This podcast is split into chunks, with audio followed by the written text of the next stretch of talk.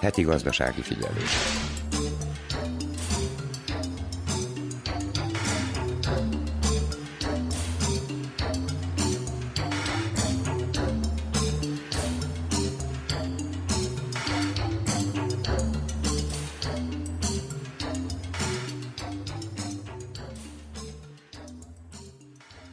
Szerbia az év eleje óta jelentősen rontotta fizetési mérlegének eredményeit, mivel nőtt a kereskedelmi, a külkereskedelmi és a fizetési mérleg hiánya is a belgrádi közgazdasági kar elemzése szerint, mert csökkent a tőkebeáramlás és a devizatartalék is, a hitelfelvétel pedig nőtt. Az év eleje óta több mint 2,5 milliárd euróval csökkentették a devizatartalékot az emelkedő infláció jelenlegi körülményei között a rögzített árfolyampolitika továbbra is több hasznot hoz, mint kárt. Hegedűs Erika köszönti a heti gazdasági figyelő hallgatóit. Szerbiában az áprilisi átlagfizetés 73 ezer dinár felett, a középfizetés pedig csak valamivel több, mint 55 ezer felett alakult, és ez számszerűen 13, valósan pedig csak alig 4 kal több a tavaly ilyenkorinál. A valós pénzomlást és a drágításokat pedig két számjegyűre becslik.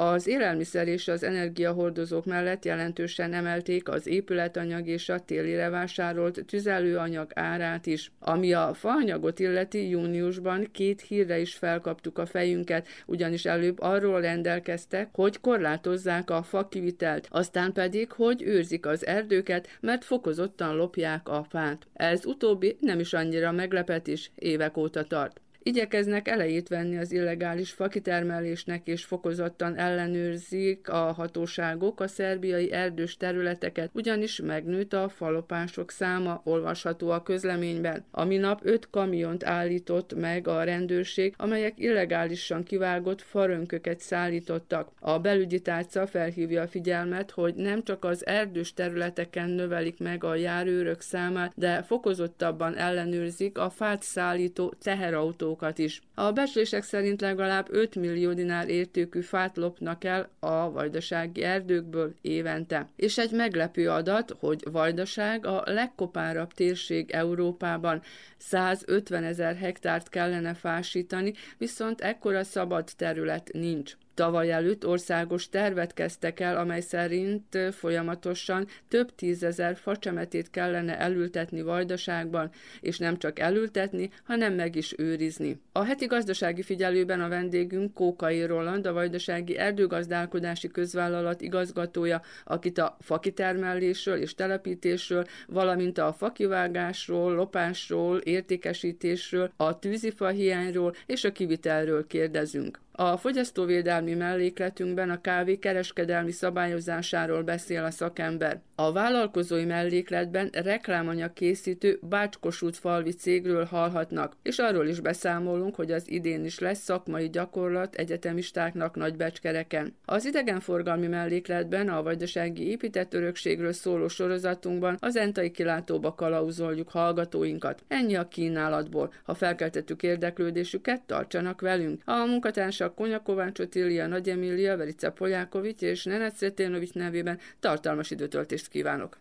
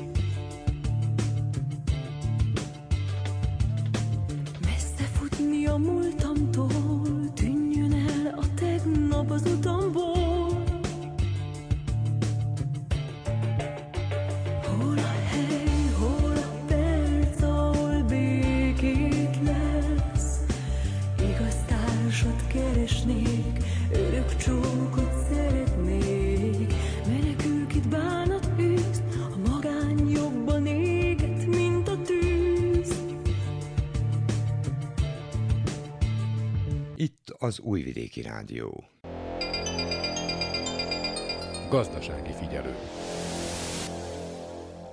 Köszöntöm az Újvidéki Rádió heti gazdasági figyelő műsorában Kókai Rolandot, a Vajdasági Erdőgazdálkodási Közvállalat igazgatóját, akivel több témáról beszélgettünk, elsősorban a fakitermelésről, a telepítésről, valamint a fakivágásról, a lopásról, az értékesítésről, a tűzifa hiányról és kivitelről, és azt hiszem, hogy ragozhatnám tovább is, hogy mi mindenről szeretnénk beszélgetni, de ö, én kiindulnék egy minapi hírből, ez azt hiszem, hogy múlt heti hír, ami hozzánk is eljutott, hogy a bizonytalan energetikai helyzet miatt Szerbiában óriási a kereslet a tüzelőanyag, így a fa iránt is, és hogy ezért-e vagy sem, vagy a szegénység miatt, de hogy most többet hallunk arról, hogy lopják a fát, bár őszintén megjegyzem, az elmúlt két-három-négy évtizedben mm, gyakori volt ez a hír, és mondjuk talán nem nyáron, hanem inkább tél kezdetén, hogy lopták a fát. Mennyire érezhető ez itt Vajdaságban? Mennyire érzi ezt a Vajdasági Erdőgazdálkodási Közvállalat? Ugyanis egész Vajdaság területén vannak egységeik, munkahelyeik. A Vajdaság Erdély közvállalat rendhagyó munkájában nincs a fókuszban a, a falopás, ha bár ez történik, évente kb. 5-6 millió dinár kárt szenvedünk. Ez miatt, de tudni kell, hogy a Vajdaság Erdeinek a területeit 90 erdőőr védi és ellenőrzi. Elegendő ez? Hát ez kérdés, de körülbelül egy erdőőre 1600 hektár terület jut, úgyhogy az eléggé megakadályozó szerepet tölt be. Vannak olyan magánerdők, esetleg egyházak tulajdonában lévő erdők, vagy Szerbiában, azt ki kell hangsúlyozni, hogy egész Szerbiában a, az erdők aránya 43% állami tulajdonban van, és 57% magántulajdonban van. Ez a több mint 1 millió hektár erdőterület, ami magántulajdonban van, kb. 700 ezer tulajdonosnál tulajdonosi jog van felette, ami azt jelenti, hogy a magánerdőket nem feltételezem, hogy különösebben őrzik, úgyhogy föltétel... Tulajdonos talán. Igen, mert ugye ezek kis szétszórt, nem egységes erdőterületek, így feltételezem, hogy a falopás inkább rájuk jellemző, ha bár történik ez állami tulajdonban lévő területek, erdőterületeken is, de kisebb mértékben, mert van rá egy rendszer, ami, ami ezt megakadályozza, esetleg visszarettenti, aki fát akar lopni, akkor nem ottal nehezebb, hanem ottal könnyebb, ott fogja megpróbálni. Ugyanakkor a, az ipari mértékű falopáshoz eszközök is szükségesek, mechanizáció, el kell menni sáros úton ugye az erdőbe, ki kell valakinek vágni a fát, azt tudni is kell, ö, veszélyes munka is, aki nem ért hozzá, ö, védőfelszerelés is szükséges hozzá, valakinek fel is kell tenni ugye traktorra, vagy egyéb szállítási eszközre, úgyhogy az, hogy túlzottan szervezett módon működjön, ahhoz több elemre van szükség, ezért nem nevezném jelentősebbnek a falopást. Ez a 0,1 vagy 2 százaléka az összes éves fakitermelésünknek, amit tűzifa formájában lopnak el, úgyhogy ez nem nincs általában a, a, a fókuszban. Mit jelent az, hogy ipari méretű falopás? Mert ugye ebben a hírben, amit mi kaptunk, hogy Prokopja és Kusevac, tehát Szerbia területén egy nap alatt öt olyan tehergépjármű tartóztatott fel a közlekedési rendőrség, amelyek lopott fát szállítottak, és hát itt gyakorlatilag három gépjárművezető ellen eljárás indult. Tehát most itt néhány teherautó fáról van szó, de mi számít akkor ipari méretű falopásnak, eltulajdonításnak. Azt nem tudom, hogy van erre mennyiségbelileg, jogszabályzás, de... azt, ne, nem hiszem, hogy ez meg van határozva, hogy mi számít annak, de hát a több teherautó az egy jelentős uh-huh. mennyiség, hogy ezek jelöletlen farankök voltak, uh-huh. és onnan lehet tudni, hogy nem illegálisan lettek kivágva, mert a, a, a privát erdők, magánerdők is, az állami erdők is nek a, a, a, a fakitermelése az tervek szerint működik, és az állam több szinten ezt ellenőrzi. Tehát Vajdaság erdei tekintetében 60 erdészeti egységre 10 éves tervek készülnek, és akkor minden évben, ha lejár mondjuk 5-6 terv, erdőgazdálkodási terv, akkor újakat hozunk a következő 10 évre, és pont tudjuk, hogy mikor melyik erdő részek érik el a kivágási érettséget, tehát az erdő is úgy, az erdőgazdálkodás, a fenntartható erdőgazdálkodás is hasonlóan működik, mint hogy az ember élete, hogy a, hogy a, a fának is megvan az életkora, amikor kieregedő félben van, akkor nem termel már elég oxigént, nem köteli a széndiokszidot, és akkor vágjuk ki, de ugyanakkor a, a helyére új betelepítsük ismét, tehát uh-huh. ahol, ahol egyszer erdő volt, ott ismét erdőkön legyen ez a logika, hogy most az egy vagy két év múlva telepítsük be, ez függ több faktortól is, tehát az időjárási körülményektől, ugyanakkor hogy tereme a mag például a tölgyfárdőt kell visszaütetni, mert a, a tölgyfárdő az éve, három-négy évente terem, és akkor a terem akkor előkészített terepre újra bevetjük, vagy beültetjük facsemetékkel a, a tölgyfárdőt. Ezekről a feladatkörökről majd még a folytatásban beszélünk, csak egy picit visszakanyarodnék, még mond, amikor említette, hogy fakitermelés és fakivágás, és hogy azok, akik szabályosan működnek erdőgazdálkodók, tehát erdészek, azok jelölik a fákat, tehát ez egy, egy folyamatnak a része. Tehát ez gyakorlatban azt jelenti, mondjuk én szoktam fát vásárolni, tűzifát vásárolni fatelepről, és ilyen piros-zöld-kék pontot is láttam rajta. Tehát ez az a, most nagyon leegyszerűsítve, ez az a jelölés, hogy egy meghatározott erdőből vágták ki azt a fát, és szabályszerűen, tehát hogy engedéllyel? Tehát vannak ilyen lemezek, amelyeket uh-huh. ráütnek a, a, az erdőben dolgozó kollégáink, uh-huh. és ezek a lemezek ezek számozottak. Uh-huh. Tehát meg vagy pont mennyi, meg mire használjuk uh-huh. el őket. Tehát meg az aztán az evidentálva van a, a Lajstromban is. Uh-huh. És eddig ugye a, a, a, ez is egy fontos fejlesztési projektünk, hogy a, átállni lassan PDA szerkezetekkel, kütyükkel, hogy a, a, a, az erdész technikusok, akik evidentálják. hogy követhető legyen? Követhető ez így is, mert ugye csak uh-huh. eddig papíron írták kézzel, meg most lass, lassan kezdünk átállni arra, hogy a, a PDA technikai felszereléssel a, az erdészek, tehát elektromosan rögtön bevigyük a rendszerbe, mert egyébként amit kézzel fölírnak, az utána bekerül a rendszerbe, csak pár nap telik, még ugye föltöltik a, a platformot. Hogy ezt, de az egész követhető, és ugye amikor oknyomozó újságíró próbál uh, utána járni az mhm. erdészeti témának, annak én örülök, mert az belemélyed, tehát nem manipulatív információk alapján próbálja megnézni, hogy mi történik, és azokat szívesen elviszük az erdészeti gazdálkodási pontokra, hogy átnézzék a terveket, hogy mi történik a, a terepen, mert ahogy sokan gondolják, annak ellentétes általában az igazság, vagyis eddig még egyszer se akadtunk fel a, a hálón, olyan szempontból, hogy valami ilyen rendellenesség történt volna a, a, a tevékenységünk végrehajtása folyamán, ezért a, az áll és félinformációkkal ellentétben szívesen fogadjuk azokat az újságírókat, akik nem kormányzati szervezeteket, civil szervezeteket, NGO-kat, akik tényleg a dolgok mélyére szeretnének látni. Az elején, beszélgetésünk elején említette, hogy Szerbiában, tehát Vajdaságon kívül nagyjából fele-fele arányban van közvállalati tulajdonban, tehát állami tulajdonban és magántulajdonban az erdő. Vajdaságban milyen az arány? Tehát 57 százalék, 43 százalék a, a, a magánerdők javára egész Szerbiát, ha nézzük. Uh-huh. Vajdaságot külön veszük, akkor 5 százalék magánerdő van, 80% állami erdő, ez a Fruskagurai Nemzeti Park, ami nem tartozik a Vajdaság erdei közvállalathoz, az köztársasági alapítású közvállalat, a Vajdasági erdei és a, az egyházak tulajdonában lévő Ez erdők. a vagyon visszaszármaztatásból került hozzájuk igen, vissza? Igen, a vagyon, főleg a Fruskagurai Nemzeti Park, hogy mondjam úgy, singlette meg ezt a, a folyamatot. Akkor most kanyarodjunk át arra a témára, ugye már ezt is picit érintettük, hogy a gyakorlatban hogyan néz ki a fakitermelés, mikor vágják ki a fákat, hogyan tudják ezt éves szinten megtervezni, mert ha jól jegyeztem meg, 1600 hektár területen gazdálkodnak, tehát azért ez egy szerteszét.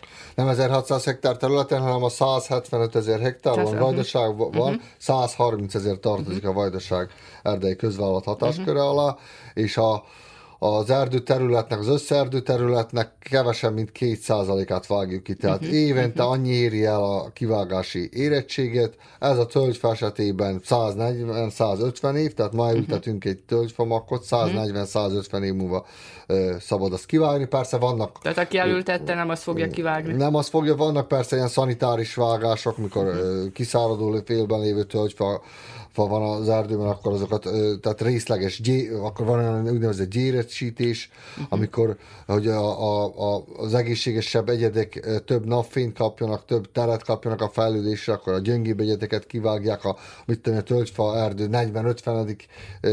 évében, valamint van a, a, a megújító vágás, az a teljes uh-huh. kivágás, amikor a, a, a, kivágják, a területet előkészítik, és új erdőt telepítenek. Ez a nyárfánál viszont 20-25 év, amikor eléri a kivágási érettséget, de ez igazából az a lényeg, hogy lényegtelen, hogy ha megtörtént az erdő kivágása, utána láthatunk nulla éves erdőt is, 8 uh-huh. éves erdőt is, az a lényeg, hogy az állandóan növekedjen is, pótoljuk, tehát egy kör, föntartató körforgás legyen az egész, és akkor így az erdő elvégzi több feladatát is, elsősorban a gazdasági feladatát, tehát nálunk 1500 foglalkoztatott van, ő nekik ugye megvan az egzisztenciájuk, a fafölvásárlók körülbelül, akik tőlünk veszik a fát, olyan 5000 embert foglalkoztatnak, ezen felül körülbelül 6 millió euró adót befizetünk, tehát áfát is fizetjük, egyéb járulékokat,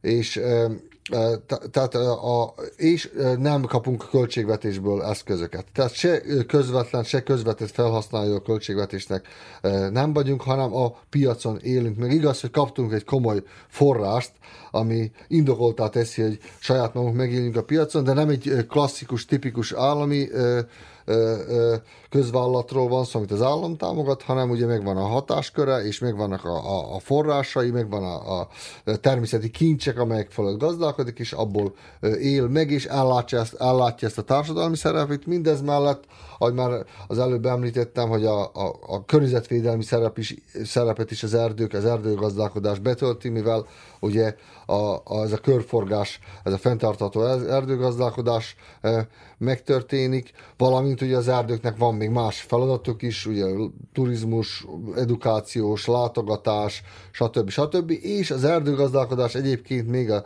természeti védelmi területeknek a, a, a, a, a finanszírozását, valamint a, a vadgazdálkodás és a halgazdálkodást is úgymond társfinanszírozza. Egyébként a fakitermelésnél, tehát a faki, tervszerű fakivágás esetében milyen arányban van az ipari fa, és milyen arányban a tűzifa? Vagy a tűzifa az már inkább csak, most ezt föltételesen hmm. mondom, nem jó szó, az csak egy olyan hulladék része a fakitermelésüknek? Tehát elsősorban a vajdasági erdőgazdálkodási közvállalatra gondolok. De hogy azért a tűzifának is kell egy jó minőségű fa, hogy kalória legyen. Függ az erdő fajtájától, tehát uh-huh. ha bükkfa és tölgyfáról beszélünk, akkor 60-65 százaléka tűzifa az uh-huh. erdőnek, 35-40 százaléka ipari fa. Ha nyárfáról beszélünk, nálunk ugye Vajdaság erdeinek a fő terméke a nyárfa, ott 10-15 százaléka tűzifa és 85-90 százaléka ipari fa. Ezért például, hogyha a, a Szerbia statisztikai adatok szerint, ha a 6 millió köbméter fát, amit évente kitermelnek Szerbiában, ebből vajdaság erdei 10% tehát olyan 600 ezer köbmétert termelünk mi ki. Egy és fél millió köbméter az ipari fa, és négy és fél millió köbméter a tűzifa. Ez azért is van, mert ugye Szerbiában inkább bükkerdők vannak, valamint a magánerdőknél a, a kivágott fák után a, a tuskóról ugye a sarja kihajtanak, és abból nő új erdő, abból nem lesz minőségű fa, abból tűzifa lesz. Úgyhogy ez függ több faktortól, így Vajdaság erdeiben megközelítőleg 400 ezer köbméter ipari fa van évente, de ez változik a tervek szerint, tehát ez uh-huh. lehet több is, kevesebb is, meg 200-220 ezer köbméter tűzifa, tehát kevés tűzifa van. Ez mennyire elég? Ugye az össztűzifának 5%-át teszi ki a vajdaság erdei, ami Szerbiában termelődik, uh-huh. az összfának pedig 10%-át, itt több ugye az ipari fa, ez a drágább, drágább fa. Tehát ez mennyire elég? Ez nem sokra elég, mert ha, ha, ha azt mondjuk, hogy Vajdaságban 350 ezer háztartást tud fűteni tűzifával. Nem uh-huh. fűt mindannyival, mert nagyon soknak két, kom, két kombinációja van, általában gáz meg a tűzifa mennyit, akkor ez a 7%-át teszi ki. És, ö, és Vajdaság most ezekből az arányokból akkor mennyien tüzelünk, tüzelhetünk Vajdaságban vajdasági fával? Hát, hogyha csak a vajdaság erdeit nézzük, hogyha mi, csak 7%-át. Az össze... A szállítás miatt gondolom, hogy esetleg akkor talán az, azzal olcsóbb lehet, hogyha vajdasági fát vásárolok itt vajdaságban? Nyilván a fateleptől is függ. Függ több uh-huh. Tényezőtől, de ha mind a 350 ezer háztartás most hirtelen elkezdene tűzifával tüzelni, csak fával tüzelni, csak fával tüzelni akkor 7%-át tennék ki az össztermelésnek, mert azt mondjuk, hogy a 350 ezer háztartás eddig a 220 ezer köbméter tűzifából 60 ezeret, mert a tűzifa az nem csak tüzelésre megy a manapság, hanem akik forgáslemezeket, úgynevezett ivericákat készítenek, az a tűzifát ugye ledarálják, van egy nagy cég itt, ez a Kronos Pálén Szerbiából, abból szekrények készülnek. Tehát a tűzifára, igen, préselt fa. Tűzifára van konkurencia, tehát megy a polgárok, hogy tüzeljenek vele, uh-huh. megy a, ez a forgáslemezek, ivericák, peletet gyártanak belőle, tehát a 4,5 millió köbméter tűzifából 3 milliót, eddig 3 milliót adtak el a polgároknak, fél millió köbmétert a, a, a préselt fának, a, tehát a, a forgáslemezeknek, és egy millió köbméterből készült fél millió köbméter pelet. Tehát itt konkurencia van, még sőt, még most már az is jellemző, hogy részeket csinálnak a tűzifából, megfelelő vastagságokból elemeket, fából készült elemeket, féltermékeket készítenek, úgyhogy négy konkurencia van a tűzifából a polgárokkal együtt, és a 160 ezer köbméter, mondjuk ha egy háztartás elhasznál 7-8 köbmétert, az olyan 11-2 méter fa, akkor az 25 ezer háztartás. Tehát a uh-huh. 350 ezer háztartás, hogyha mind elkezdene tüzelni, csak 25 ezerrel lenne elég, még olyan lényegesen a statisztikát nem lehetne megváltoztatni. És most hallgatói szemmel, mert hogy én is, ahogy említette, kettős a tüzelésem, tehát fával is lehet, de elsősorban most még gázzal, de hogyha fát vásárolok, akkor most azt tapasztalom, hogy a tavalyihoz képest akár helyek közel kétszeresére is fölugrott az ára. Tudjuk, hogy az energiahordozók, a szállítás, a munkabérek, stb. Tehát, hogy minden megdrágult. Mennyire számszerűen mennyire jogos, vagy mennyire kellett ilyen magasra emelni az árát. Nagy a kereslet, talán azért, hogy a legtöbb fatelepen a fatelep tulajdonosok is arra panaszkodnak, hogy az erdőkből, a szállítóktól nem kapnak elegendő fát. Nyilván, hogy nagyobb a kereslet is, náluk is a nyári szokásos keresletnél, de hogy a kereslet miatt az energiahordozók, tehát hogy minden drágult, vagy ez úgy összességében minden, tehát hogy kell, hogy ilyen drága legyen a fa. Mióta, a világ, mióta a világ, világ létezik kereskedelem, hogyha nagyobb valamire kereslet, akkor kereskedők ö, ö, lehet, hogy nem a legbecsületesebb szakma, ö, ö, nagyobb árat kérnek érte. Tehát akinek most gázfűtése is van, meg fafűtése is van, be akarja magát biztosítani, és Talán egyébként nem vesz annyi fát. Egyáltalán nem vesz fát, és akkor bepróbál halmozni télre, szerintem ami indokolatlan, és ebből ö, egyre nagyobb ö, hiány keletkezik konfliktus a piacon. is lesz, mert akinek meg eddig csak fával tud tüzelni, ez még nem kap ö, tűzifát. Tehát ez a, a magánerdőkből is sok fa oda kerül a fatelepekre, a, ami a vajdaság erdeit illeti, három ö, lehetőség van arról, hogy valaki fát vegyen. Az egyik az, hogy a szilárd erdeiutak mentén, oda ugye el lehet menni kamionnal, teherkocsival, fölrakni az egy méterre kivágott fát, a másik variáció, hogy erdei komplexumoknál, oda már be kell menni, ott sár is lehet, stb. stb. Ott is valahogy, tehát megfelelő szállítóeszköz, traktor, aki fölrakja a fát, de igazából a, a, azok ilyen egy, egy méterre kivágott, levágott fák, nem ezt forszírozzuk, mert a favágóiknak van fontosabb dolga is, főleg a tölgyfát, meg az ipari fát kitermelni, hanem a harmadik variáció, ami a legmegfelelőbb a, a vajdaság erdélynek, hogy a polgárok bemennek az erdőbe, ehhez kell megfelelő ö, munkabizonyítvány, ö, azaz a személy használhatja a, a motorfűrészt, ö, lábbeli, ö, védelmi felszerelés, sisak, stb. stb. Tehát a, aki ezt tudja csinálni, ezt a munkát, aki ugye megfelelő szállítóeszköz, aki fölrakja a szállítóeszköz, hogy ezt most hirtelen nem fogják kezdeni mindenki csinálni. Uh-huh. Erre a három variációra külön árjegyzékeink vannak, uh-huh. és ez a legolcsóbb, ez a 400 dinár köbméter, aki saját magának kidolgozza a fát, ezt forszírozzuk, egyre kevesebb ember volt. Tavaly még az volt a probléma, mert ez nekünk megéri, hogy uh-huh. lett, kitisztítsák a területet, annyival olcsóbb az új fásításra a terület előkészítése, tehát mert a, a fa aprólékot vágják, vagy van olyan, hogy ö, tűzifának minősített erdő, vagy erd, ö, rönkök, amik tűzifának minősít ugye az erdész technikusunk, technikusunk azt megengedi, hogy ugye a, a, a polgárok saját kezűleg, saját kezűleg készítsenek belőle ö, tűzifát. Tehát egy éve még ezelőtt még az volt a, a tendencia, hogy majd nem lesz kinek eladni a tűzifát. Uh-huh. Most még ez megváltozott, még nem Ezt akarja, nem akarja senki se csinálni, hogy ugye bemegy az erdőbe és maga kidolgozza. Most ez megváltozott. De persze nem olyan egyszerű az, hogy aki előtte benne volt a rendszerbe, azok tudják ezt csinálni, meg itt meg is kell szervezni. Kell. Megbízhatnak bennük. Meg igen, meg ez, ez különben kisebb szinteken, ez a tűzifeladás a vajdaságában nem központi szinten Aha. működik, hanem a 19 erdészeti eh, igazgató, aki ugye a kollégákkal ugye eladja, eladja a tűzifát. Most abból a tűzifából próbáljuk mink, hogy aki tényleg ö, rászorult, meg csak tűzifával ö, tud tüzelni, az kapjon fát, ezért, tehát ezek a javaslataink, de nem tudjuk mink azt leellenőrizni, ami mitőlünk elment ez a három módon fa, az ö, ugye, hogy kikötné a, a, a, a fatelepeken is, vagy az honnan került oda. Minden esetre a kereskedő az ugye minél olcsóban próbálja megvenni, minél, próbálja, minél drágában próbálja eladni, úgyhogy ezt megteheti, mert most nagy a kereslet, nem kérdés, hogy ugye mennyi, hanem hogy van-e egyáltalán, főleg akinek nagy szüksége van rá.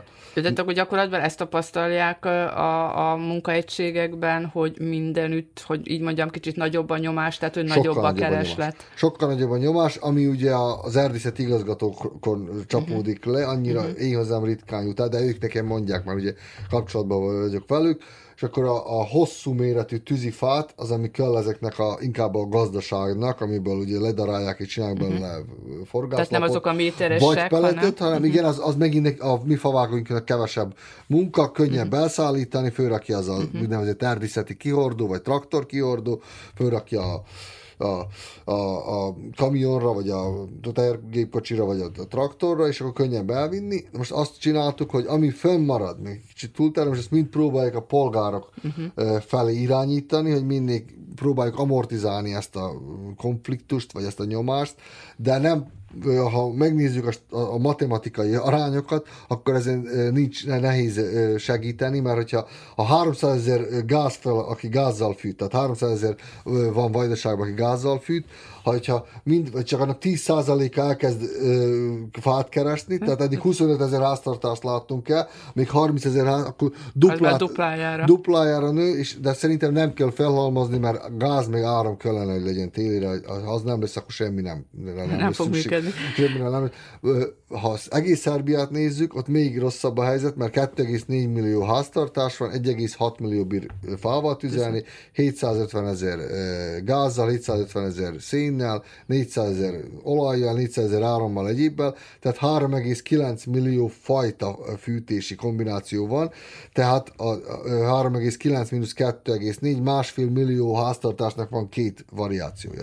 Egyébként most én mondjuk mondjam így, hogy hosszú pályafutásom során talán a bombázások évében, tehát 99-ben, és most nem régiben pár évvel ezelőtt az árvíz kapcsán merült föl ez a helyzet, vagy állt föl ez a helyzet, hogy, hogy nyáron fahiány volt, és ahogy egyszer édesanyám megfogalmazta, hogy hát amikor szeptemberben megkaptuk a fát, akkor még tegnap a rigó fütyült rajta, mm. tehát hogy gyakorlatilag nyersfát akkor ö, vágták ki, nem sokkal korábban.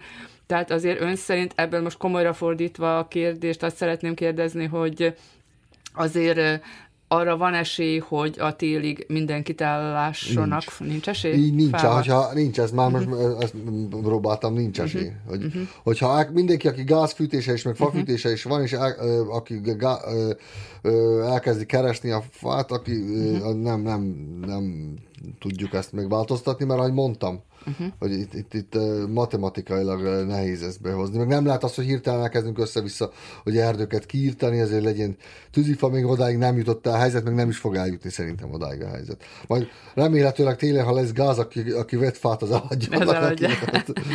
De akkor még, még drágább még lesz drágább valószínűleg, mert akkor megint csak hiány lesz és keres lesz, lesz a, a piacon. A beszélgetésünk legelején, és a műsor elején említettem, hogy két hírből indultunk, indultam ki, hogy ezzel a témával foglalkozunk.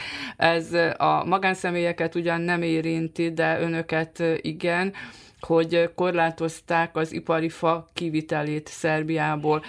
Én újabb hírt nem olvastam erről, hogy esetleg ezt föloldották volna, és a kérdésem önhöz akkor, hogy mennyiben hátráltatja önöket a munkában, vagy mennyivel csökkenti a, a, a bevételüket ez a korlátozás, hogy ipari fát nem vihetnek ki külföldre. Vagy ez egyszer majd megszűnik, és akkor most anyag dolgoznak, de amit majd raktára tesznek, azt kivisznek. Á, nincsen problémánk. A fa, uh-huh. az, az, az, tehát a, a, feldolgozatlan, vagy kevésbé feldolgozott uh-huh. rönköket, az úgynevezett bulvágású rönköket, uh-huh. ez a szélezetlen fűrészárút, a kivitelét tiltották meg. Uh-huh. kőrisfa, nyárfa, nyírfa, bükfa, tölgyfára. Ez a mi munkánkra egyáltalán nincs kihatással, mert akkor a kereslet a fára, hogy ha, a, valak, ha a, a 140 vevőből mondjuk eddig kettő vagy három mondta, hogy nem viszi a, a kínálatunkat, de akkor megveszi más, úgyhogy ilyen gond nincsen. Tudni kell, hogy a, hogy az ukrajnai válság miatt ö, nagy ö, ö, lehetőség nyílt, még nagyobb lehetőség nyíltak a, a kivitelre? kivitelre. Tehát ugye a, a, a nyárfából mi készül? A nyárfából ö, ipari csomagoló termékek, raklap, raklap. paletta, uh-huh. gyümölcsös láda, épít, épületfa, koporsók, főleg. Ez, tehát, és a, a, a, a mi felvásárlóink ezeket készítenek belőlük, és egyre nagyobbak a rendelések nyugaton, nem kérdezik, hogy mennyibe kerül, azért... Csak legyen. Hát, igen, csak legyen, és ezért főleg most a nyári szezonban, mikor a, a gyümölcsös ládák mennek, ugye a mhm. gyümölcs szület van, a, és, a, és a, tehát az ipari fába az előző években is úgy volt, de ekkora nyomás még mióta én ott vagyok, nem, nem volt a, a, az ipari fára. Tehát azt tudni kell, hogy Ukrajnában is van nyárfa, onnan is készítettek terméket. Most Ukrajna kiesett, és akkor ö, ö, vajdaságban minőséges a nyárfa, uh-huh. és abban minőséges termékeket is készítenek belőle, és ö, nagy a kereslet rá, úgyhogy ilyen gondok, hogy a, a, ezzel a, a kiviteli tiltással ö, ö, a vajdaság erdélyi munkájára nem hat ki egyáltalán, azt tudom mondani külföldre azért szállítanak, mert többet fizetnek, vagy azért, mert itthon a hazai piacon nincs akkora kereslet iránta? Hát ugye ez a, ezek a termékek, ezek az ipari csomagoló termékek, ez a, ezek a, a gazdaság minden részében szükségesek, hogyha a gazdaság ö, szárnyal Nyugat-Európában, akkor akkor ezek is követik, ezek a termékek ugye a, gazdasági fejlődést, gazdasági termelés, tehát van itthonra is elegendő, de hát úgy látszik, hogy megvan a matematika benne, hogy, hogy ezek már több évtizede ezekkel foglalkoznak, a némely fölvásárlunk, és ők akkora árakat kapnak, akkora ajánlatokat kapnak, hogy nekik ez megéri. Tehát Spanyolországban, Németországban, Franciaországban, Olaszországban, tudok olyat, aki Brazíliába is szállít ki ilyen termékeket. Lehet, hogy nem tűnik logikusnak, de de, Tehát a szállítás de meg, azért de drága. úgy látszik, hogy megéri nekik, úgyhogy, úgyhogy ö, ö, működik. Ilyen gondjaink nem lesznek, hogy a, hogy a, hogy a, a, a, a, a farönkök kiviteli tiltással véget nem tudunk eladni farönköket. Uh-huh. Éppen ezt akartam kérdezni, hogy az számomra egy picit bizarr, hogy a farönköket szállítják külföldre, miközben talán itthon is föl tudnák dolgozni, és esetleg magasabb árat elérni, vagy, vagy De nem, kicsi... a farönkö, nem a farönköket nem, szállítják a fölvásárlón, uh-huh. véletlenül se. Uh-huh. Ők terméket készítenek. Tehát Aha. raklapot, Aha. gyümölcsös uh-huh. ládát készítenek belőle, uh-huh. koporsót, stb. stb. Vagy, a, amit mondtam, a, a, a, a, a forgáslemezek, vagy ezek a furnér, borítólapok, spárlemez, stb. stb. Ilyen, ilyenek készülnek belőle, tehát nem a farönköket, azokat most nem is lehet kivinni. Ha ez így lenne, akkor most nekünk mi a vajdaság erdei érezni ugye a bőrén, hogy nem tudja eladni fát, de ez nem így van, mert egyáltalán hmm. nincs semmilyen kihatással ránk, mert ők, ez, tehát termékek készülnek, az itt a, a, a fafölvásárlóknál dolgozó 5000 munkás készíti ezeket a, a termékeket.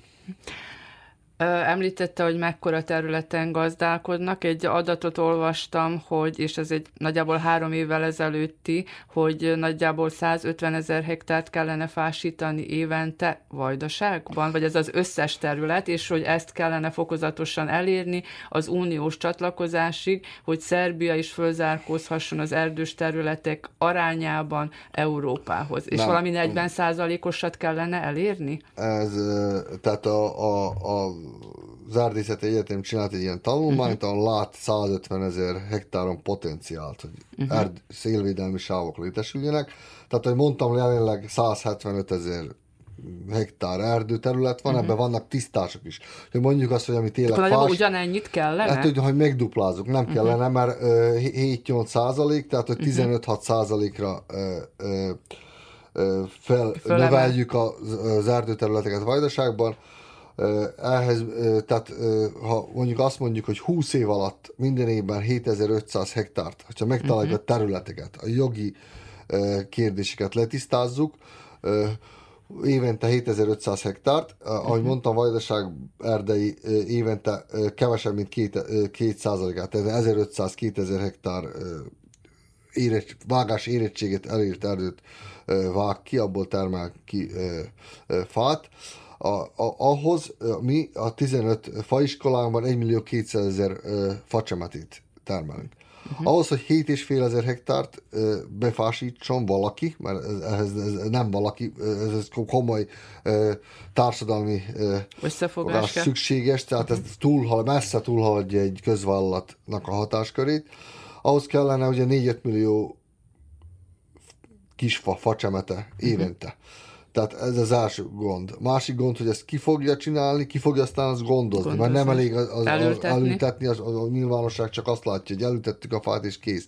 Azt három, négy, öt évig gondozni is kell.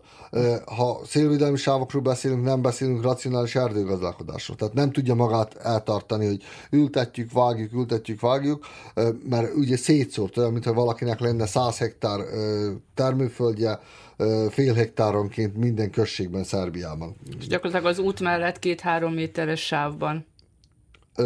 Hát most igen, ez a másik kérdés az, hogy a, a a szerbiai utak közvállalat eh, ahhoz mit szól, ugye, de kellene uh-huh. tisztázni. De nyugaton vannak olyan, meg ezt máshol is meg tudták csinálni, vannak olyan példák, hogy a maguk a, a föld birtokosok, tehát a mhm. földterületek tulajdonosai, akinek termő, a parcellája végén területek van. birtokosai állami támogatást kapnak arra, uh-huh. hogy ők saját maguk ültessék és ö, ö, saját maguk gondozzák ezeket a fákat. Itt nálunk ellentétes ö, példák vannak, ugye 15 méterre az útig nem is szabad, hogy fölszántsák, hogyha beütetik kisfákkal, akkor sokszor ö, megsemmisítik a, a, a fákat, mert ugye árnyékot csinál, nem bírnak megfordulni a kombájn, a traktor, stb. stb. De ide szükséges egy edukáció is, mert a célvédelmi sávok azok védik a földterület minőségét, nem fújja el a szél a humuszt, és így évek során ugye a minőségét nem veszti el a, a termőföld. De hát elődeink ezt tudták, mert azért én gyerekkoromban emlékszem, tehát 30-40-50 évvel ezelőtt, hogy,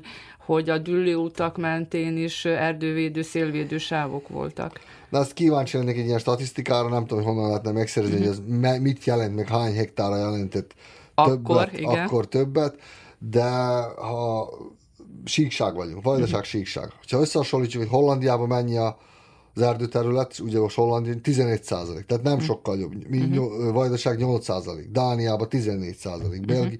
Akkor még az egyfőre, mert a, a, a, ugye a városok növekszenek, azok valamára terjednek, vagy a szántóföldre, vagy, a, vagy az erdőből is elvesznek uh-huh. területeket. Tehát valaminek a kárára. Hogy, igen, hogyha ha egy főre eső erdőterületet nézzük Vajdaságban, az 900 négyzetméter per uh-huh. fő, Hollandiában ha jól emlékszek, Belgiumban tudom, hogy 600, tehát meg Hollandiában is 1100, ha jól gondolom, uh-huh, jól uh-huh. tudom. több.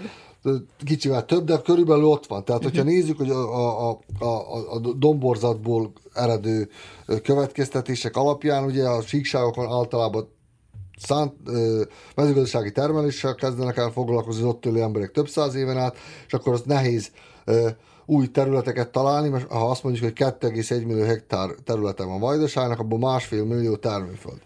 Uh-huh. Tehát 175 ezer hektár ugye, erdő, többi az, ahol nincs fa, mert ugye látjuk, az általában se termőföldnek, se erdőnek nem jó. Nem jó. Tehát ebből a másfél millió hektár termőföldből hogyan tudnánk elvenni, tehát még száz hektárt is nehéz, hogy kompakt egységben megvásárolni erdőterületnek, nem még, hogy, hogy ebből a másfél millió köbméterből, vagy másfél millió hektárból például tízezer, vagy százezer, vagy százötven ezer hektár erdőterületet kivágni. De akkor valójában mi számít erdőnek? Az erdő az legalább 30 hektár uh-huh. egy, egybefüggő terület. Uh, most, De inkább 50, meg inkább 100 de uh-huh. mondjuk úgy, hogy... Uh-huh. Most ezt azért is kérdezem, mert ugye már részben említette, hogy tervszerűen kellene kijelölni a területeket, hogy hol lehetne erdőt telepíteni, vagyis fát ültetni, mert hogy terepen gyakran találkozok azzal az elégedetlenséggel talán fogalmazhatnék így. Környezetvédő egyesületek, meg önkéntesek mondják, hogy egy-egy önkormányzat, egy-egy község, vagy egy-egy település területén van szándék arra, hogy ők facsemetéket ültessenek, és hogy azt gondozzák is még, ahogyan említette, hogy azért fontos az is, az utógondozás, de hogyha az önkormányzathoz fordulnak, akár engedélyért, akár csak, hogy megkérdezzék, hogy hol telepíthetnek, hol ültethetnének, hogy akkor általában vagy ellenállásba ütköznek, vagy, vagy egyszerűen nem tudnak nekik mit válaszolni, hogy ők most hol ültethetnének el például száz facsemetét. Tehát, hogy mennyire késünk mi ezzel a tervszerű gazdálkodással, erdőgazdálkodással. Tehát a facsemete az fásítás, száz facsemete az nem erdősítés, az ugye szebbé teszi a lakott területeket, ez most esete válogatja, tehát ne, ne, nem általánosságban uh-huh. nem tudok beszélni az önkormányzatok munkájáról. Száz facsemetét azt meg lehet oldani még egy helyi közösségi szinten is szerintem, hogy uh-huh. elültessenek, akár közvállalatoknak a kertjében, vagy iskolák körül, vagy stb. stb. Úgyhogy ilyen kisebb mennyiségben, akár ezerig, ezer facsemetéig lehet biztos találni minden a területet, de a, egy kitörési pontot említettünk a szélvédelmi sávokat, a másik, amivel el kellene kezdeni foglalkozni, vagy lehet, hogy törvényes kötelezettségként kellene ráróni, mint kötelességet a, az önkormányzatokra azt, hogy a zöld kataszterok elkészítése, tehát olyan fölmérni, hogy egyáltalán hol lehet erdőt, tehát ilyen ötödik, hatodik osztályú term, termőföldeket, amit a, a, az önkormányzatok bérbe adnak, esetleg nem annyira optimális a, a mezőgazdasági termelésre, de lehet, hogy jó lenne erdőnek. Ezeket elsősorban fel kellene mérni, hogy hol vannak ilyenek. Persze van itt ennek, ez, ez egy egyszerű kérdés, mert ugye, a, a, a, hogyha egyszer erdő lesz, elérjük azt, hogy erdő lesz, ugye tisztak a vagyonjogi e, viszonyok, akkor megint valakinek gondot kell viselni, ehhez az önkormányzatokban általában nincs infrastruktúra, mert a, a, a, a, a kertészeti közvállalatok, amik általában kommunális városi közvállalatok, kertészetek, városi kertészetek, általában kommunális, kisebb helyeken általában a kommunális közvállalatok keretein belül működnek, ott ugye nincs hol van az erdészmérnök, hol van a, a, a, a mechanizáció, technikus, stb. stb. Hát ez egy külön gazdasági ág, ugye az erdőgazdálkodási ág, úgyhogy, de valószínűleg, hogy lehetne előrelépéseket tenni, én ezt látom az első lépésnek, hogy ugye rá, kötelezni az önkormányzatokat, hogy a zöld kataszterokat elkészítsék. Ezt Újvidék már egyébként elkezdte, meg Újvidék város elkezdett ebben foglalkozni, hogy a politika is fölfogja, hogy a, hogy a, a zöld politikák a, a jövő, mindenkit érdekel a, a, hogy a, a környezetvédelem, és hogy és ezek irány, ebben, ebben a kérdésben, hogy, hogyha lépéseket tesz a, a politika, akkor az pozitív visszhangot kelt a, a nyilvánosságban. Ugyanakkor másik a gond, amit nehéz megakadályozni, ugye például az újvidék esetében is, hogy újvidék növekszik, egyre több területet foglal el, ez valaminek a rovására megy, kárára megy, de hát ugye a nagyvárosodás az nyugaton is megtörtént, meg megtörténik mindenhol a világban. Ez a 40 százalék átlag, ez különben a Szerbia egészét nézzük, ez 37-8 százalék lesz az újabb fölmérés szerint, úgyhogy ha egész Szerbiát vajdaságban együttvéve, akkor az, az európai átlagot ö, eléri, meg Európában nem jellemző a az erdőírtás. Az uh-huh. megy, van Dél-Amerikában, Afrikában, nem tudom én, más országban, Európában az erdőgazdálkodással nincsenek Tehát gazdálkodás. Nagyobb, igen, gazdálkodás folyik, úgyhogy Európa nem a kerékkötője annak, hogy erdő, több erdőterület legyen a, a világban. Egyébként három évvel, indul, három évvel ezelőtt ősszel indult, ha jól emlékszem, az az Ültessünk egy fát akció, amelyhez csatlakozott a Vajdasági Erdőgazdálkodási Közvállalat is. Mennyiben tudják segíteni a munkát, akár fölszereléssel, vagy területek dolgozásával, vagy Hát, Vagy facsemetékkel? Igen, facsemetékkel, de ez inkább jelképes uh-huh. jelentősége van ennek az ültes egy fát. Ez is ugye uh-huh. 50, 100, 200, 500 uh-huh. fát elültetünk különböző önkormányzatokban, és ezzel felkeltsük a, fi, fi, a figyelmet, hogy környezet tudatosabb ifjúságot kapjunk holnap. Tehát ezzel nem oldjuk meg a, a, a, a problémát, de próbálunk tenni ez irányban valamit. Jó, és akkor talán most utolsó kérdésként, de még motoszkál a fejembe több kérdés, de ez egy következő alkalom lesz, de azért most ezt még megkérdezem, hogy részben már említette, de a Vajdasági Erdőgazdálkodási Közvállalat tervszerűen évente mennyi fát telepít? Mekkora területen telepít? Ahogy mondtam én már, ezt, hát, tehát két százaléknál kevesebb, ami ugye mhm. kitermeljük uh-huh. a fát, az 1500-2000 hektárra, ez 1,2 millió facsemetét termelünk mi magunk, tehát körülbelül ezek az arányok. Több mint 1 millió facsemetét elültetünk. És Évente... ez mennyiben, mennyiben járul hozzá, ugye ez most hmm. talán divatos, de hát érezzük a bőrünkön is, hogy a vajdasági tisztább levegőhöz mennyire járul hozzá? Most nem a gazdálkodásra gondolok, és nem a pénzre, hanem hogy mennyire szívunk tiszta levegőt ezektől a fáktól. Mert általában azt mondják, hogy egy embernek, ezt a környezetvédők mondják, hogy egy embernek azért kéne, hogy két fája legyen ezen a világon, valahol a kertjében.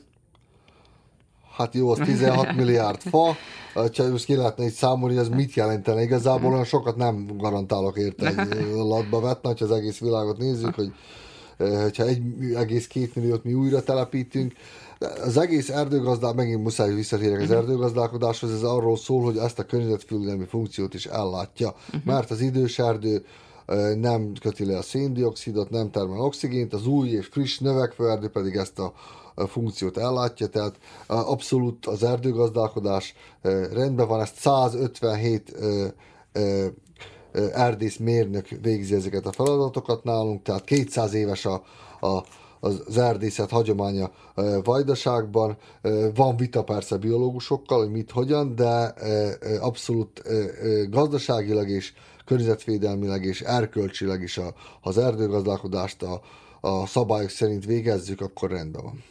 És akkor még van egy utolsó kérdésem, de ez lehet már a környezetvédelmi műsor témája lesz majd a későbbiekben, hogy mennyire ültettünk tájjellegű megfelelő fákat itt Vajdaságban. Említette, hogy önök gazdasági szempontból milyen fákat ültetnek az erdőgazdálkodás miatt, de hogy mi otthon ültetünk jó fákat? Hát minden alkalommal megkér, a szakembert, ha megkérdezik, a szakember esetleg a legjobb, hogyha megmérik, a, a, a, megnézik a talajnak a minőségét uh-huh. is, uh-huh. de már ki, a sok okos tanácsot tud adni egy olyan szakember, meg a lefényképezik, amit szoktak ilyenekkel fordulhoznánk uh-huh. ismerősök, hogy ha lefényképezik, hogy hova szeretne fát ültetni, akkor már tud jó tanácsokat adni. Ez lesz egy következő beszélgetésünk témája, akkor köszönöm szépen, hogy Kukai Roland, a Vajdasági Erdőgazdálkodási Közvállalat igazgatója a vendégünk volt. Én is köszönöm a meghívást.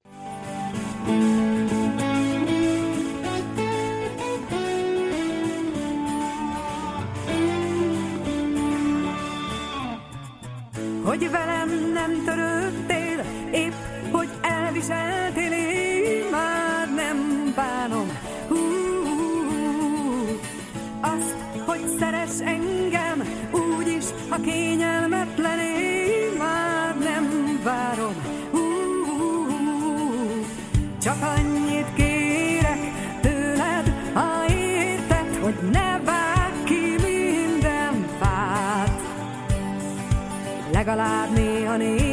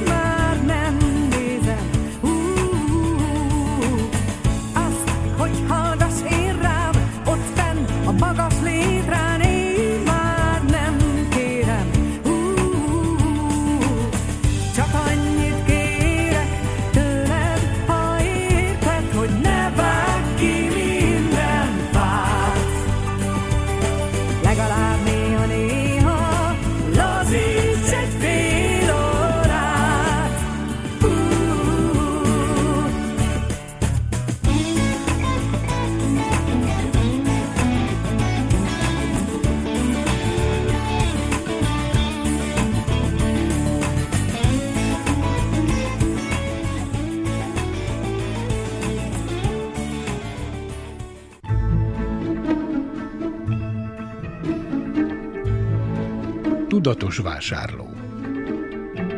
Fogyasztóvédelmi percek az Újvidéki Rádióban, a Zentai Fogyasztóvédelmi Központ támogatásával.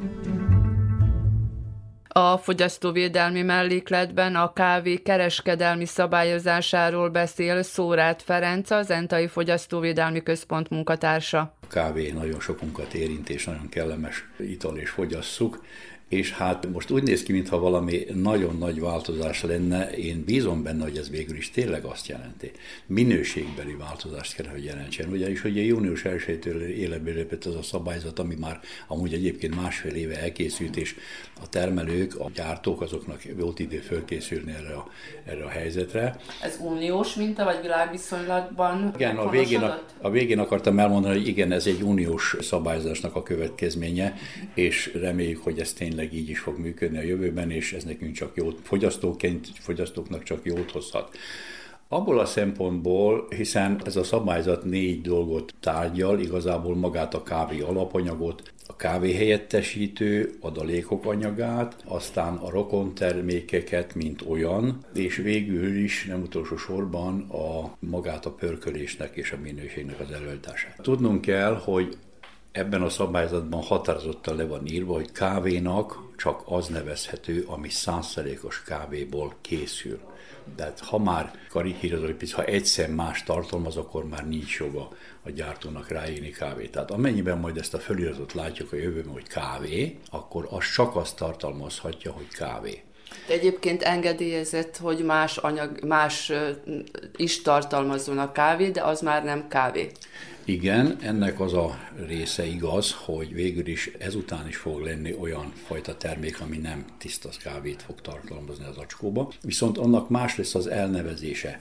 Próbálok szó szerint idézni, tehát amennyiben 50%-nál több kávét tartalmaz, adott esetben ezt kávé alapú terméketnek nevezzük. Amennyiben fordítva, tehát hogy kevesebb a kávé tartalma 50%-nál, akkor így mondjuk, hogy szója, gabonafélék és hozzáadott kávé. Tehát ez a kétfajta fogalom lesz, ebből azt lehet majd leszűrni, még egyszer mondom, hogyha, hogy valamiben 50% fölött lesz a kávé mennyiség, és van még annyi se lesz, és az, azt így fogják, tehát abban az esetben a kávé, mint olyan, csak hozzáadott alapanyagként fog létezni. Tudnunk kell azt is, hogy ez az időszak annyiból még átmenetinek számít, hogy ez az előírás június 1 végül is létrejött, és szabályzás működik. Az más kérdés, hogy még megengedett a gyártóknak, hogy a fölhalmozott, ami most még piacon lévő, és főleg itt a kereskedelemre is gondolok, hogy a kereskedelemben is lévő termékek a szavatosság lejártáig eladhatók, és még a polcon lehetnek. Tehát azt most még ne várjuk, hogy ha bemegyünk ma holnap a boltba, akkor most már csak ilyen terméket fogunk látni, és amin a kafa kávé szerepel, akkor már azt gondoljuk, hogy ez most már a százszerékos kávéról van szó. Még nem, de lassan a folyamat, illetve folyamat elindult, és lassan, tehát már csak az a mennyiség lehet raktáron vagy bent, amit már eddig átvettek, és még a szavatosság lejártaig, mi hangsúlyom a szavatosság lejártat, mert elvileg, ha nem kell eladni, akkor a szavatosság lejárta úgyse lehet eladni. De itt a lényeg, a törvény azt mondja, vagy a szabályzat azt mondja, hogy a szavatosság lejártáig ezt ők még árulhassák. A szavatosság a kávé esetében mennyi? Mert gyakorlatilag akkor május 31-ével dátumozott kávé az még lehet a forgalomban. A kávé lejárt, a szavatosság lejárt ide egy év, tehát most ez úgy néz ki gyakorlatilag, hogy ha, ha valaki, valaki bevitt a boltba, azaz bocsánat, kereskedő megvásárolt és bekerült az üzletében, hogy május 31-e dátummal, az ha lassan is kell el, de legkésőbb egy évig lehet még ott, azaz hát attól függ, hogy a csomagoláson milyen lejárási idő számít, mert végül is nem az számít, hogy a kereskedő mikor hozta be, hanem az a csomagolásnál feltüntetett dátum. szavatosság dátum szerepel, és végül is addig lehet a kereskedelembe.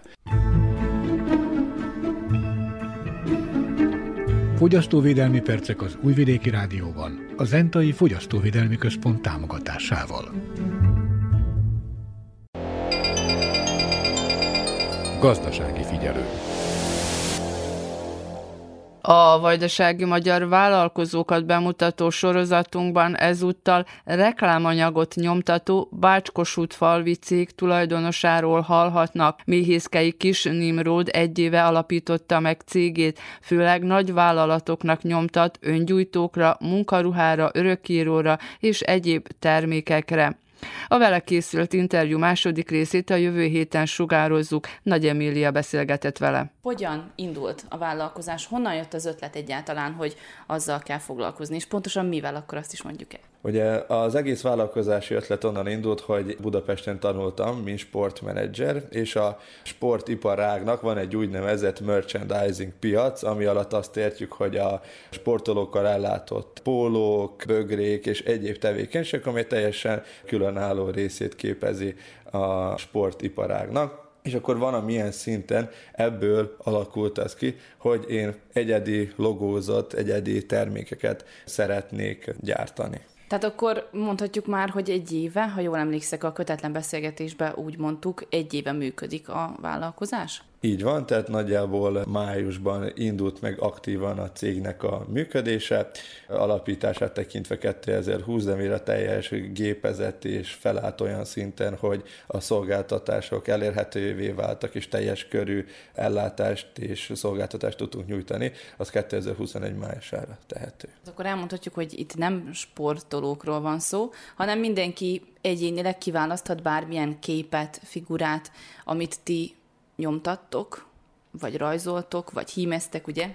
Igen, tehát a cég az gyártással foglalkozik, és ez is főleg inkább céges körben, nincsen magán, magánszemélyeknek, tehát üzlethelyiségünk nincs, erre nincs lehetőség, hogy valaki besétál, és úgymond odajön, és akkor azt mondja, hogy mi ezt nyomtassuk rá. Főként cégekkel, nagyobb cégekkel dolgozunk, akik megengedik maguknak azt, hogy egyedileg feliratozva, saját logóval ellátott pólóik legyenek, tollaik, vagy esetleg a dolgozóknak szánt ajándékokban egy-egy bögrét, egy-egy kulacsot, vagy bármit ajándékozzanak, vagy pedig ugye főként, ami leginkább megy, hogy partnereknek adjanak a cég a saját logójával ellátott reklámajándékokat. Tehát abszolút a cégek a célközönség, aki most esetleg hallgatja ezt az interjút, mint magánszemély, akkor a kiskutyájával ellátott pólót ti nem fogtok nyomtatni.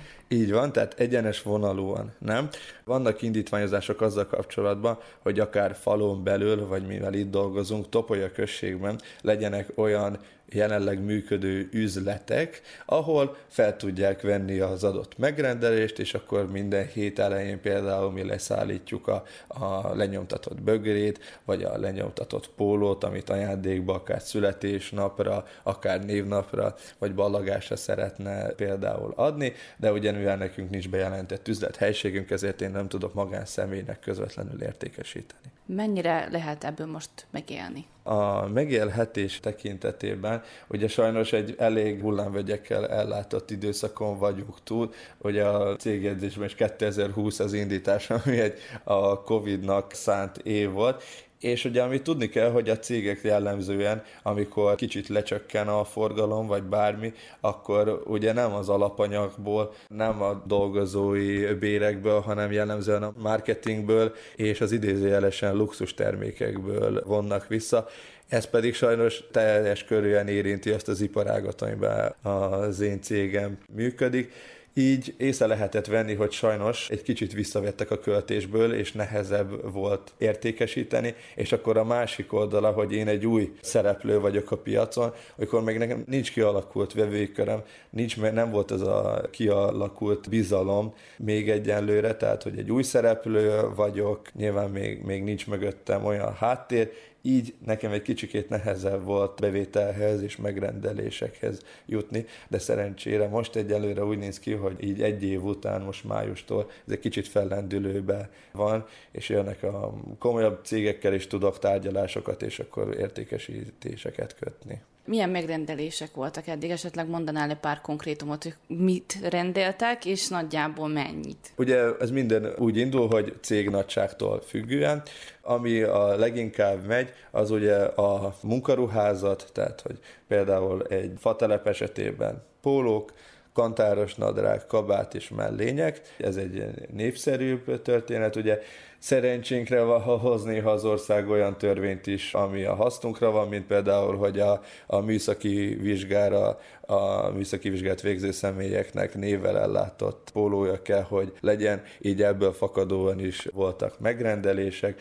Akkor ami egy lépcsővel tovább lépve, ugye az év végén általában a tollak, az öngyújtók mennek, itt vannak nagyobb darabszámok, tehát azért itt több ezres tételekről is beszélünk, és akkor ami még egy, a, például a rendezvények, az események, akár megemlítsünk egy vajdasági vágtát, oda is sok ajándékot készítettünk, amik széles körűek voltak, vagy pedig akár rendezvényekre pólókat, ezek rövid határidős megrendelések, de ilyenkor kötelesség az embernek elvállalni és teljesíteni ezeket. És akkor te biztosítod akár a ruházatot, akár az öngyújtót, mindent, vagy azt a megrendelő? Teljes körűen ellátott szolgáltatás van, egy, egy több ezer termékből álló katalógusból dolgozunk, rövid szállítási határidővel, tehát 48 órával, amikor kiválasztotta a megrendelő, már itt van nálam a termék, és tulajdonképpen indulhat is a gyártás.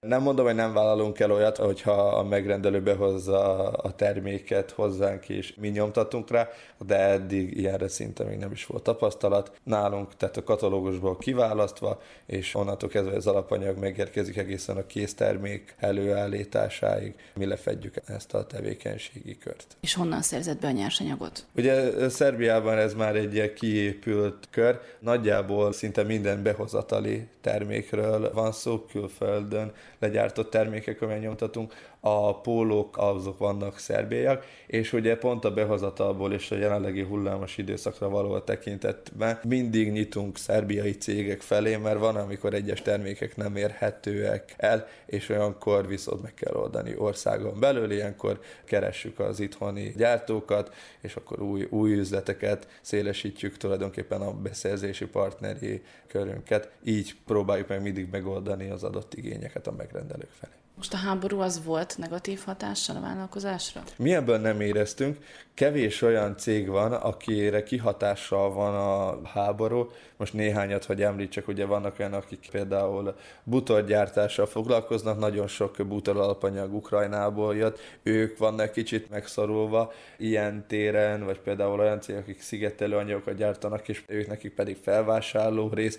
Ilyen téren éreztem néhány visszajelzés, de nekem mondjuk megrendelésben nem volt közvetlenül érezhető, vagy forgalom tekintetében nem érezhető a, a háborúnak a hatása.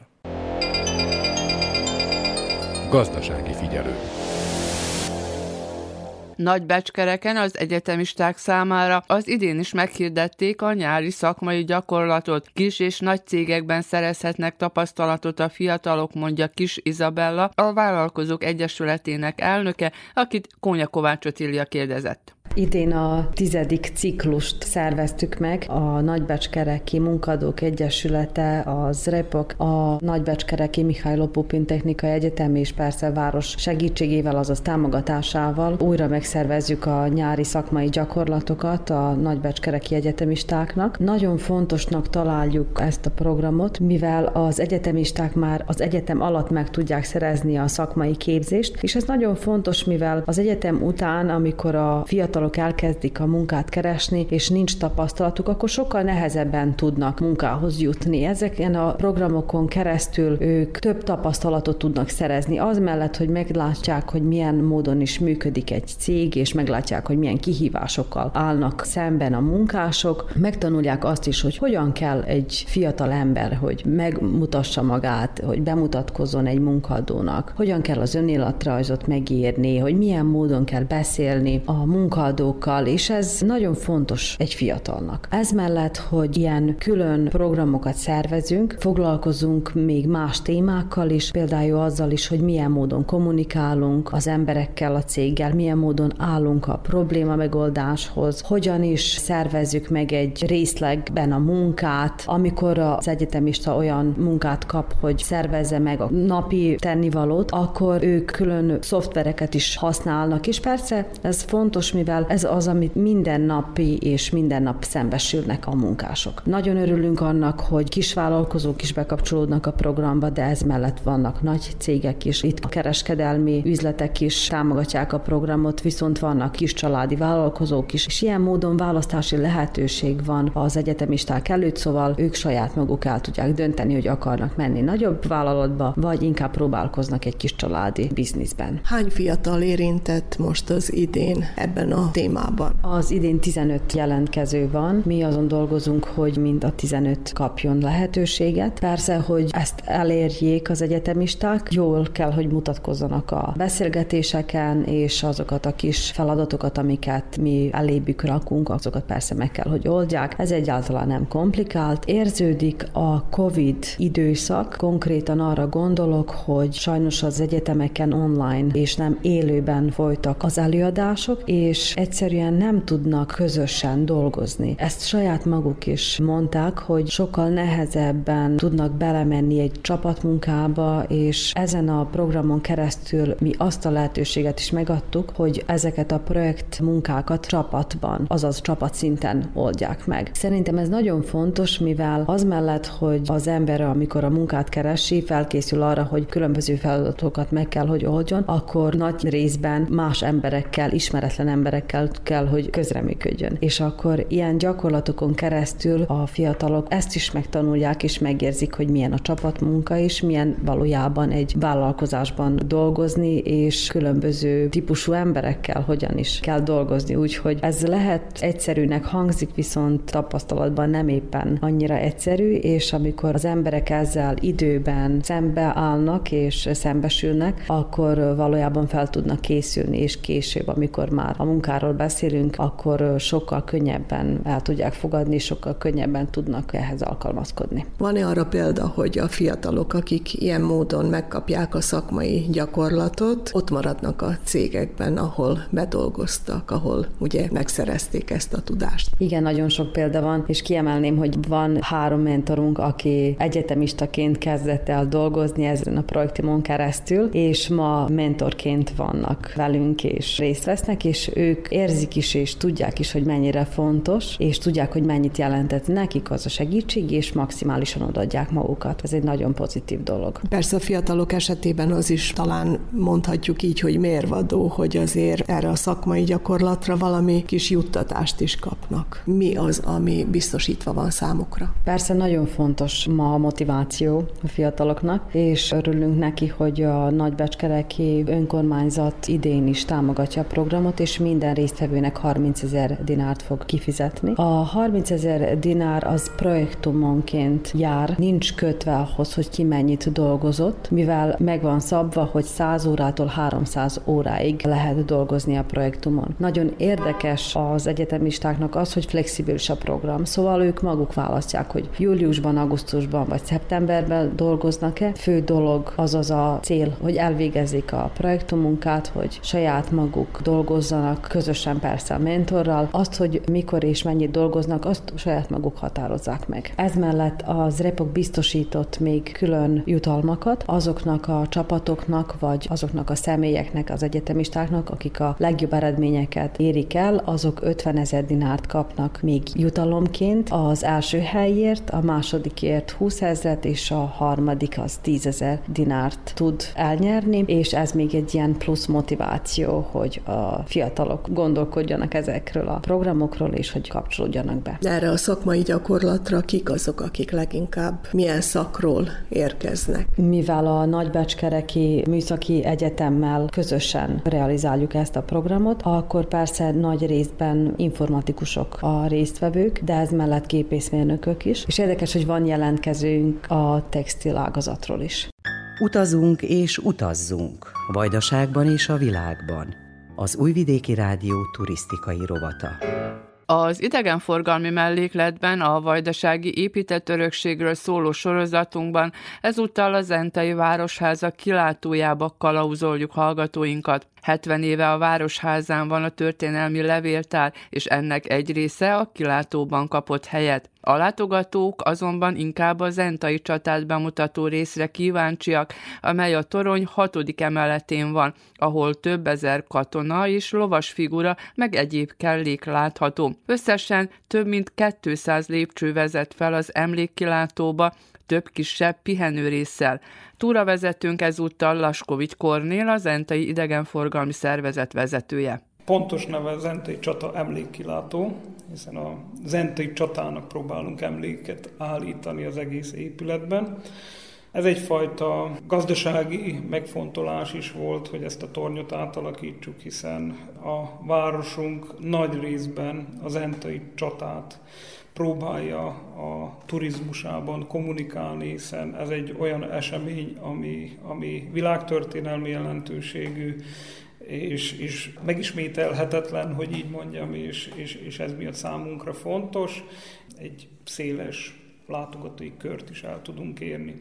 Maga a torony 50 méter magas, és funkciójában már Kovács Frigyes is egyfajta szimbolikus szerepet szánt neki, de funkciójában pedig tűzoltó toronyként szolgált, illetve szolgál máj napig is, hiszen aratáskor, június hónap folyamán a tűzoltók innen a második erkéről, erkély szintről kémlelik a környéket, és hogyha baj van valahol kint a határban, akkor beszólnak a, a tűzoltó őrsre, hogy, hogy már induljanak tovább, mivel az egész város jól belátható ebből a pozícióból. Maga a torony, mint azt említettem, 50 méter magas, és egészen pontosan 209 lépcsőfok vezet föl a második erkély szintig, ahová mi a turistákat kiszoktuk vezetni, hogy bemutassuk a városunkat, így madár távlatból is.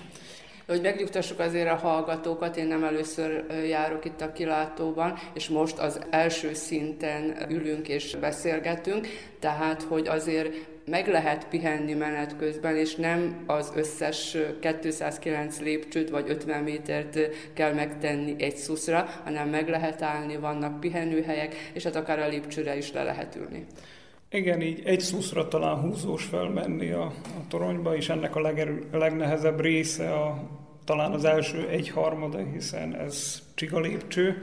Kő, kő, kő, kő csiga lépcső, igen. Itt, itt mondjuk rá nehezebb leülni, de miután fölértünk ide az első emeletre gyakorlatilag, ahol meg tudunk állni. Itt igyekeztünk emeletenként különböző ülőalkalmatosságokat elhelyezni, hogy tényleg akinek kicsit nehezebb följutni, az is azért megpihenve, de föl tudjon jutni.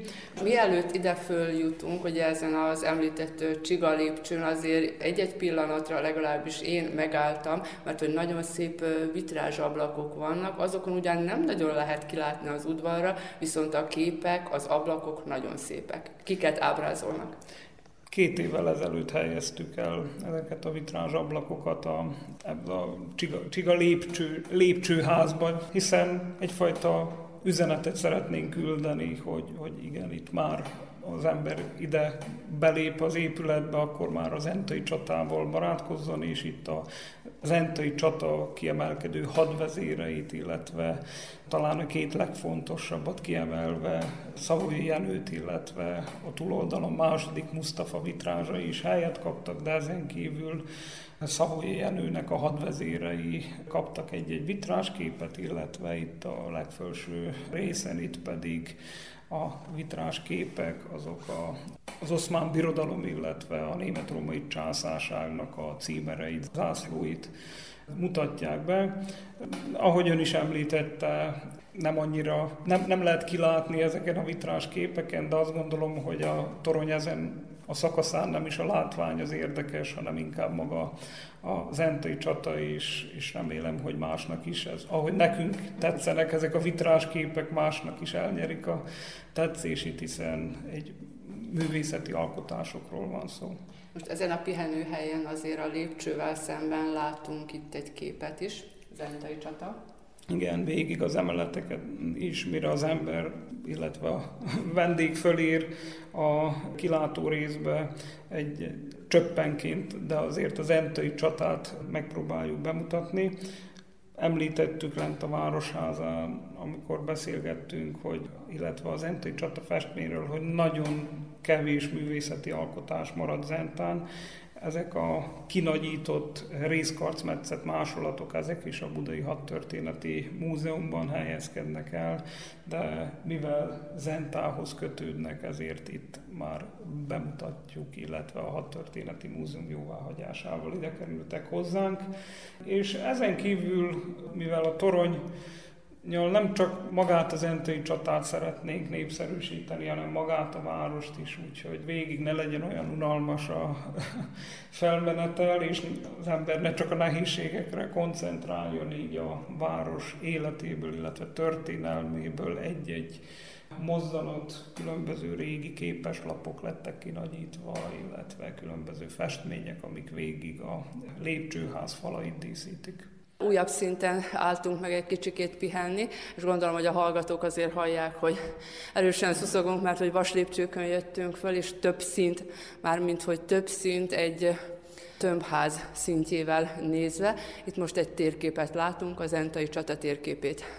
Igen, igen, a térkép szinten járunk most. A vendégeinknek ezen az emeleten szoktunk a magába, a csatába egy mélyebb és részletesebb beszámolót megejteni. És azt gondolom, hogy a hallgatóknak is, aki esetleg az entei csatával kapcsolatosan nem olyan sokat hallott, azért pár mondatba föleleveníteném, hogy 1697. szeptember 11-én Zentánál Szavoly Jenő herceg döntőcsapást mért második Mustafa által vezetett török seregekre, és ez egy igen jelentős csata volt egyrészt a következményeit tekintve, hiszen ezt a csatát követően 1699-ben aláírják a Karlócai békét, és gyakorlatilag a Zentai csata mérte az egyik utolsó csapást a török seregekre, amivel bele lettek kényszerítve ebbe a békébe. És hadászati szempontból is igen fontos maga az Zentai csata, hiszen Szavolyai Jenő formabontóan egy teljesen új taktikát alkalmazott az Entei csatában, mégpedig a menetből támadás taktikáját, amivel gyakorlatilag a túlerőben lévő török sereget meglepve, és gyakorlatilag maga a meglepetés ereje volt az, amivel sikerült győzni is, hiszen nem voltak fölkészülve erre a csatára, úgyhogy igen, rövid idő alatt, mindössze két óra hossza alatt Szavoyi Jenő gyakorlatilag eh, véghez vitt egy olyan győzelmet, amivel az előtte 150 évig ezen a területen, ezt a területet birtokló törököket egy, egy, egyértelműen elzavarta. Maga a csata a számokban is nagyon érdekes, hiszen Szavolyai Jenő jelentéseiben mindössze 1400 sebesült, illetve 600 halottról számol be, még a túloldalon több mint 20 ezer halottja volt a török seregnek. Egyes források szerint talán a 30 ezret is elérte, úgyhogy óriási volt a veszteség a törököknek, úgyhogy a csatát követően nem tudtak további hódításokra gondolni.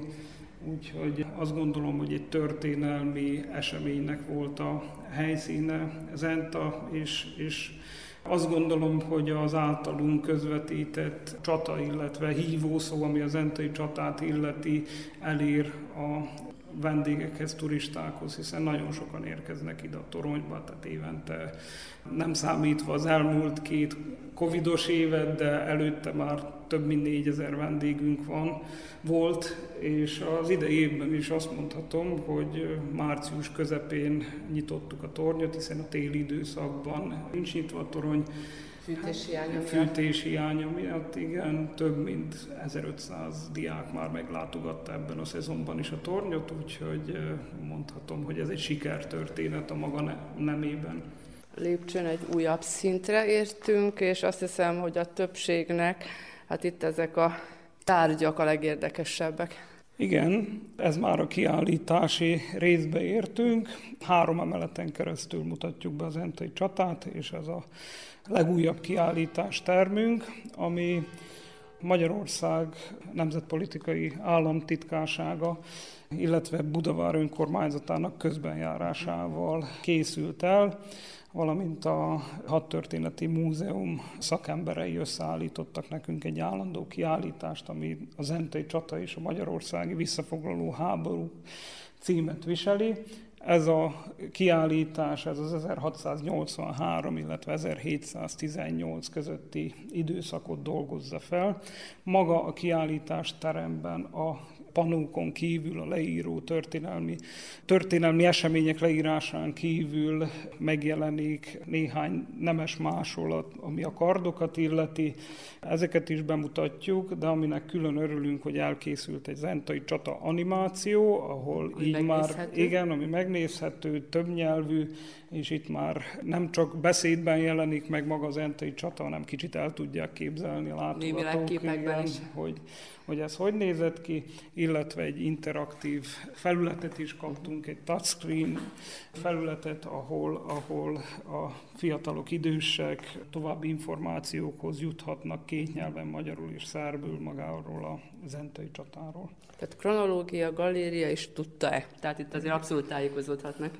Igen, igen, igen. Én azt gondolom, hogy manapság már egy múzeumi kiállítás az már a modern digitalizáció, digitális eszközöket is magába foglalja, úgyhogy igyekszünk itt Zentán, ennek az Zentai csatának egy, egy méltó emléket állítani, és azt gondolom legalábbis a visszajelzések olyanok, hogy, hogy ide szívesen jönnek a vendégek, és, és mindenki, hát nem szeretjük dicsérni, de, de sok dicséretet kap ez a kiállítás. Joggal, azt hiszem. Ugye az egyik szinten említettük, hogy térképeket látunk, aztán volt egy animációs lehetőség is, itt pedig most látjuk ezen a szinten a zentai csata makettjét. Igen, talán a az egyik legérdekesebb momentuma az egész emlékkilátónak maga ez a maket, és sokszor érdekes, hogy a vendégek, akik bejelentkeznek, úgy hivatkoznak, hogy ők a makettot akarják látni, tehát hogy egy kicsit ez a makett fölülírja a többi látványosságot, de érdekes is, hiszen egy csata jelenetet mutat be, és több mint 2000 kézzel festett figurát tartalmaz maga a terepasztal, amit a helyi modellezőklub készített még 2010-ben nekünk. Hát közel fél évig festegették ezeket a kis figurákat, és tényleg egy szép terepasztalt állítottak ide össze nekünk, egy olyan jelenetet bemutatva, amikor a törökök már a bánáti oldalról jönnének visszasegíteni a bácskai oldalon ragadt bajtársaiknak, de a Tiszába vesznek leginkább. Úgyhogy ez még inkább el tudja mélyíteni a, a csatáról szerzett tudást, hogy így mondjam, illetve információkat, amit ez a röpke egy óra alatt tudnak kapni az emberek, amíg, amíg ide föllátogatnak a toronyba. Az Újvidéki Rádió heti gazdasági figyelőjét hallgatták, amelyben vendégünk volt Kókai Roland, a Vajdasági Erdőgazdálkodási Közvállalat igazgatója, akit a fakitermelésről és telepítésről, valamint a fakivágásról, a lopásról, értékesítésről, tűzifa hiányról és a kivitelről kérdeztünk. A fogyasztóvédelmi mellékletben a kávé kereskedelmi szabályozásáról beszélt a szakember. A vállalkozói mellékletben reklámanyag készítő Bácskos útfalvi cégről hallhattak, és arról is beszámoltunk, hogy az idén is lesz szakmai gyakorlat egyetemistáknak Nagybecskereken. Az idegenforgalmi mellékletben a vajdasági épített örökségről szóló sorozatunkban az Entai kilátóba kalauzoltuk hallgatóinkat. A munkatársak Nagy Emília, Konyakovács Otília, Verice Polyákovics Ivanovics és Nena Sretenovic nevében Hegedűs Erika köszöni meg hallgatóink figyelmét. A heti gazdasági figyelővel a jövő héten a szokásos időben jelentkezünk, kedden délelőtt a 10 és az esti ismétlésben a 8 órai hírek után. Műsorunk közben visszahallgatható az ltv.rs.hu honlapon a hangtárban a heti gazdasági figyelő cím alatt. Mi a folytatásban is itt leszünk, remélem önök is.